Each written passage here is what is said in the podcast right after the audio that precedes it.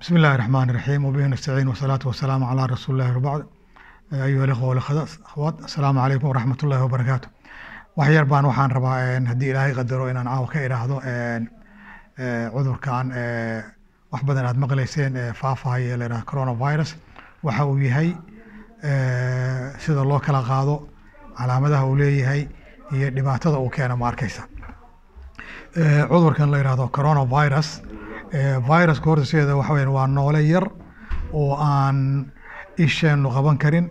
Microscope mataqaanaa microscopyada aan caadiga ahayn keliya lagu arki karo. Marka coronavirus waxa weeyaan horey waa u jiri jiray. Hase ahaatee waxa weeye cudurrada wuxuu ahaa xayawaanka ku dhaca oo markaas xayawaanku ay u soo gudbiyaan bini aadamka. Waxa cusub waxa weeye noocan hadda cusub oo sannadkii hadda bishii december mataqaanaa soo kordhay oo la yihahdo covid nineteen ama covid sagaal iyo toban. Kaas oo marka isaga laftigiisu ah virus cusub oo aan horey bini aadamka ugu dhici jirin. Marka virusya kaloo badan isaga nooc la mid aha jiro oo mataqaanaa kan la yidhaahdo cyrus oo mataqaanaa oo sanbabada ku dhaco isaguna qofka dhibaatada u keena oo haddii ilaahay idinkeeda ku leeyahay biisadaha iyo yaanyuurta dibad jooga laga qaado. Mid kaloo waxaa jira la yidhaha maris oo mataqaanaa middle east respiratory distress syndrome la yidhaahdo oo isaga laftigiisa geela iyo waxyaabaha ay ka soo gudbiyaan. Laakiin kan hadda inaga inaga hooseeya waxa weeye kan la yidhaahdo covid nineteen oo hadda mataqaanaa laga hadlahayo dhibaatada badan geysanaya ma arkaysa. Marka cudurkan sidiisa ahaan saas buu ahaa kan hadda bini aadamka ku dhacay cudur cusub wax badan aan laga aqoon weeye. Hase ahaatee marka waxa weeyaan viruskaas baa keena.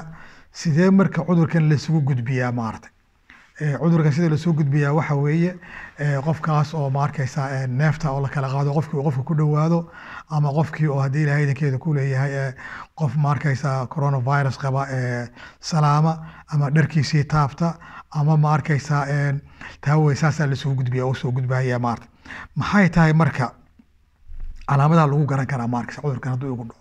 Ilaahay noguma keeno. Cudurkan marka ugu horeysa uu ku bilaabanayo. Horta wuxuu leeyahay waxa la yidhaahdo incubation period.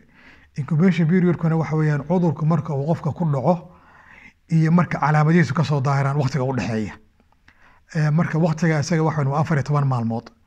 Waxaa dhici kadha marka cudurkii qofku isaga oo qaba uu maalintii shanaad maalintii lixaad maalintii afraad maalintii toddobaad marhaya inuusan wax calaamadan lahayn oo waxba iska dareemaynin cudurkii inuu faafinahayo oo cudurka uu gudbahayo oo dadki kale uu gaarsiinayo ma arkaysaa markii marka cudurku ku dhaco qofka uu ku bilowdo muxuu dareemayaa?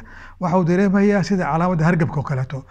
Qufac yar xumad yar lafa xanuun muruq xanuun madax xanuun waxyaaba noocaasuu dareemayaa ma arkaysaa markii marka uu si fiican ugu dhaco oo calaamadihiisa rasmiga ay soo daahiraan waxyaabaha ugu waaweyn marka aad ku xaysoon kardha waxaa ka mid ah xumad aad iyo aad u sarreysa xumad aad u sarreysa oo sagaal iyo afartan sagaal iyo soddon afartan iyo ziyaada gaaraysa oo aan kaa degaynin qufac qallalan oo joogto ah oo aan kaa kala go'aynin neefta oo ku dhibta ama neefta aad qaadan weyda ma arkaysaa iyo madax xanuun.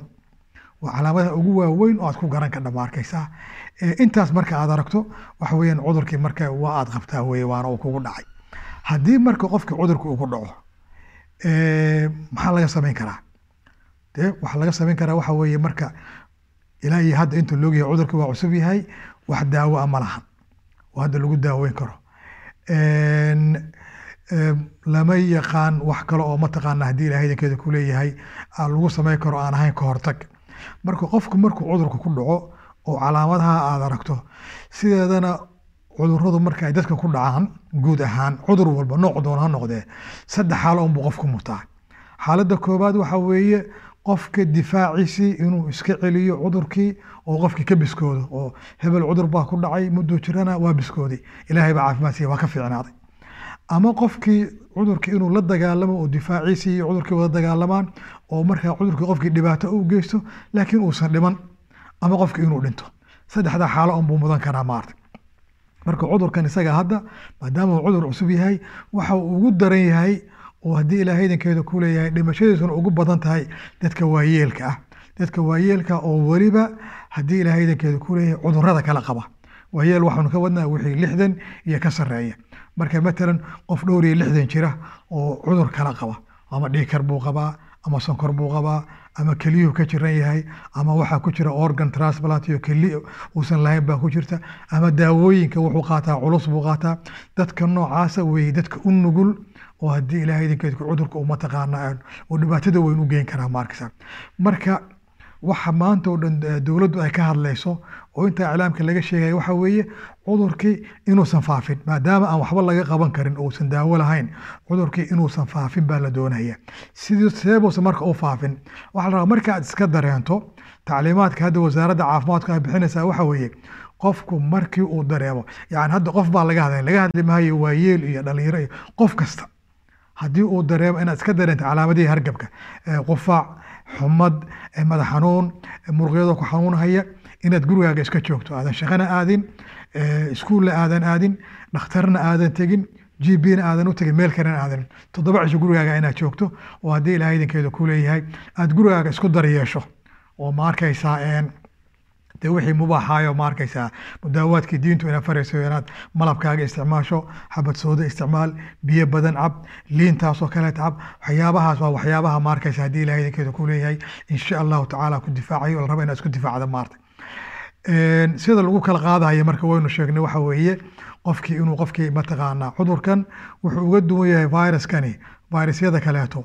Haddii uu meel ku dhaco ama gacantaadu ku dhacay ama meel sadxiyo mataqaanaa miis ama mataqaanaa kursi qof ku fadhiyay ama hadduu saaran yahay ilaa dhowr iyo toban saacadood buu ku noolaan karaa. Lix saac ilaa labiyo toban saac buu noolaan karaa meesha uu ku jiri karaa maarta oo qof kale uu qaadi karaa maarkay viruskii markaa weye marka la leeyahay gacmaha iska dhaq innaga diinteena islaamka ayna faraysa inaynu shan jeer maalintii gacmaha dhaqano laakiin waxaa la doonaya mar walba inaad gacmaha iska dhaqdo. Waxyaabahan detergentiska iyo waxa ugu muhiimsan waxa weeye biyo iyo saabuun biyo iyo saabuun gacanta inaad ku dhaqdo. In markii aad qufacaysa ma arkaysa aad afkaaga iyo sankaagaba aad daboosho oo mataqaana ama tissue ku dabool ama mataqaana gacantaada sidaa ugu daboolo dadkii kale aadan u gudbin. Taas baa la doonaya maarta. Waxyaabaha ugu muhiimsan markasa gurigaaga inaad joogto ood isdari yeesho. Waxyaabaha ugu muhiimsan marka waa waxyaabahaas marka cudurkan waxyaabaha marka hadda laga hadlahayo dhan waxa weeye daawo maahan lama daaweyn karo. Oo isaga hadda daawo ma lahan. Waxaa laga hadlaya marka waa ka adigiina inaad isdari yeesho haddii uu cudurka kugu dhaco dadkii kalena aadan u gudbin. Marka marka la oranahayo qofka gurigaaga ha joogo waxa dadkii kale ha u gudbin. Oo waxaa la doonaya marka calaamadaha aad dareento masaajidka inaadan imaan iskuul aad aadan tegin maxaa loo leeyahay? Lama rabo dadkii kaleta inaad cudurka u gudbiso. Masaladan waa masalo sharciga ma arkayso waad arkaysaa? Diinteenna mataqaanaa wanaagsan ee islaamka. Maqaasideeda waxaa ka mid a xifdu nafsi nafta in la ilaaliyo waxaa min maqaasid shariica waxaa la yidhaha nafta in la ilaaliyo weeye. Nafti marka in la ilaaliyo waxaa ka mid ah axaadiis fara badan baa marka ku soo arooreyso. Oo nebigu waatuu leeyahay qof jiran yuusan qof caafimaad qaba la degin la fariisanin ma arkaysa. Lama doonayo jirada inay faafto. Waad garanaysaan xadiis kale waatuu ah haddii wadan adinkoo jooga daacuun ama cudur mataqaanaa mucdi uu ku dhaco qofkaas yuusan wadankaa ka safrin qof kalena yuusan soo gelin. Intaasoo dhan marka waxay keenaysaa waa wiqaayadii iyo qofkii inuu is ilaaliyo oo haddii ilaahay idankeeda ku leeyahay iska ilaaliyo cudurkii inuu dadkii kale u gudbiyo. Adigiina inaad dadaasho oo aad isdaaweyso oo mataqaana wixii mubaaxa oo aad heli kodha aad isku daaweyso marka nebigu waatuu leeyahay ma arkaysa calayhi salaatu wasalaam maa min daa'in ilaa waqad anzala allahu lahu dawaa aw carifahu man carifahu wajahilhu man jahil oo kama qaala sala allahu caleyh wasalam yacni cudur ma jiro ilaa ilaahay subxaanahu watacaala daawo u dejiyey qofkii markaa garanaya ama ha garto kii aan garanayn ha garte. Ilaa waxaan ka ahayn cudurka gabowga ma arkaysaa. Isagu dee ma lahan daawo ma lahan. Marka taa waxaynu tusaysaa tadaawo yaa cibaadallahi buu leey nebigu. Isdaaweeye inaynu isdaaweyno oo ma arkaysaa wixii mubaaxa isku daaweyno oo talada dhakhaatiirta aynu qaadano oo mataqaanaa talada dowladdu soo jeedinayso mataqaana wasaaradda caafimaadku aynu qaadano iyo inaynu waxyaabihii kale isku daaweyno mubaaxaayo mataqaanaa casalka qur'aanku inoo sheegay oo yiri shifaa weeye xabad sooda oo nabigu inoo sheegay calayhi salaatu wasalaam oo yiri cudur walba daawo u tahay waxaan gabow ka ahayn. Waxaasoo dhan ma arkaysaa. Biyo badan ma arkaysa oo biyihiina waa nolol. Inaad cabitaan badan cabto. Waxyaabahaasoo dhan marka waxa weeyaan waa ka hortag. Intaas marka waxaad ku daraysaa adkaartaada inaad akhrisato oo ma arkaysaa iska hor imaan mahayaan marka. Ma arkaysaa inaad ilaahay tala saarato oo waxa weeyaan laa darara walaa diraar iyo laa cadwa axaadiistaas iska hor imaan mahayaan oo waxa weeye cudurku isagu sidiisa ahaan awood uma lahan wax kugu yeelo. Laakiin waxa uu wax kugu yeelaya waa awoodda ilaahay siiyey taa marka qudrada ilaahay baa mataqaana cudurka wax nagu yeelahayaa ilaa awood isagu uu leeyahay marka waxba inugu yeeli maymin marka inaynu ilaahay tala saarano oo qofkii waxaas ku dhacaan uu ilaahay mataqaana u sabro oo mataqaana ixtisaab la yimaado uuna ku dadaalo inuusan dadka kaleeto oo walaalihiisa uusan u gudbin. Muslim iyo gaala midna inaad dhibaatayso looma baahna. Marka haddii aad isku aragto waxaas gurigaaga joog.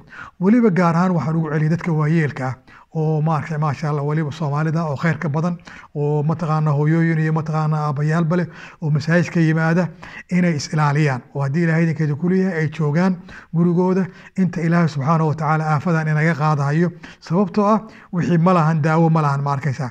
Ka baa marka loo baahan yahay maadaama marka dadka nugul ay u nugul yihiin cudurkii waxaa marka lagula talinaya inay guryahooda joogaan ay ku tukaan waana masale sharciya ma arkaysaa. Nabiga caleyhi salaatu wasalaam iyadoo kulul oo kuleyla ama roobda ahayo ayuu wuxuu oran jiray dadka guryihiina ku tukada ma oo mataqaana meeshiina jooga. Marka famaa baalulka marka inaad qof bini aadama adoo jiran aad u gudbiso walaalka ah oo cudurkii uu ku dhaco oo marka ama aafa ku timaado ama uu ku dhinto marka ilaahi subxaana watacaala waxaan rajaynaynaa inuu dhibaatada inaga qaado oo haddii ilahay idinkeeda kuleeyahay caafimaad inoogu bedelo caalamka o dhanna dhibkaas ku habsaday ilaahi subxaanahu watacaala isaga awood leh uu ka qaado inagana dembi dhaaf inooga dhigo aynu kuna samirno qadaha ilaahay inoo keenay wabilaahi towfiiq wasalaamu calaykum waraxmat ullahi wabarakaatu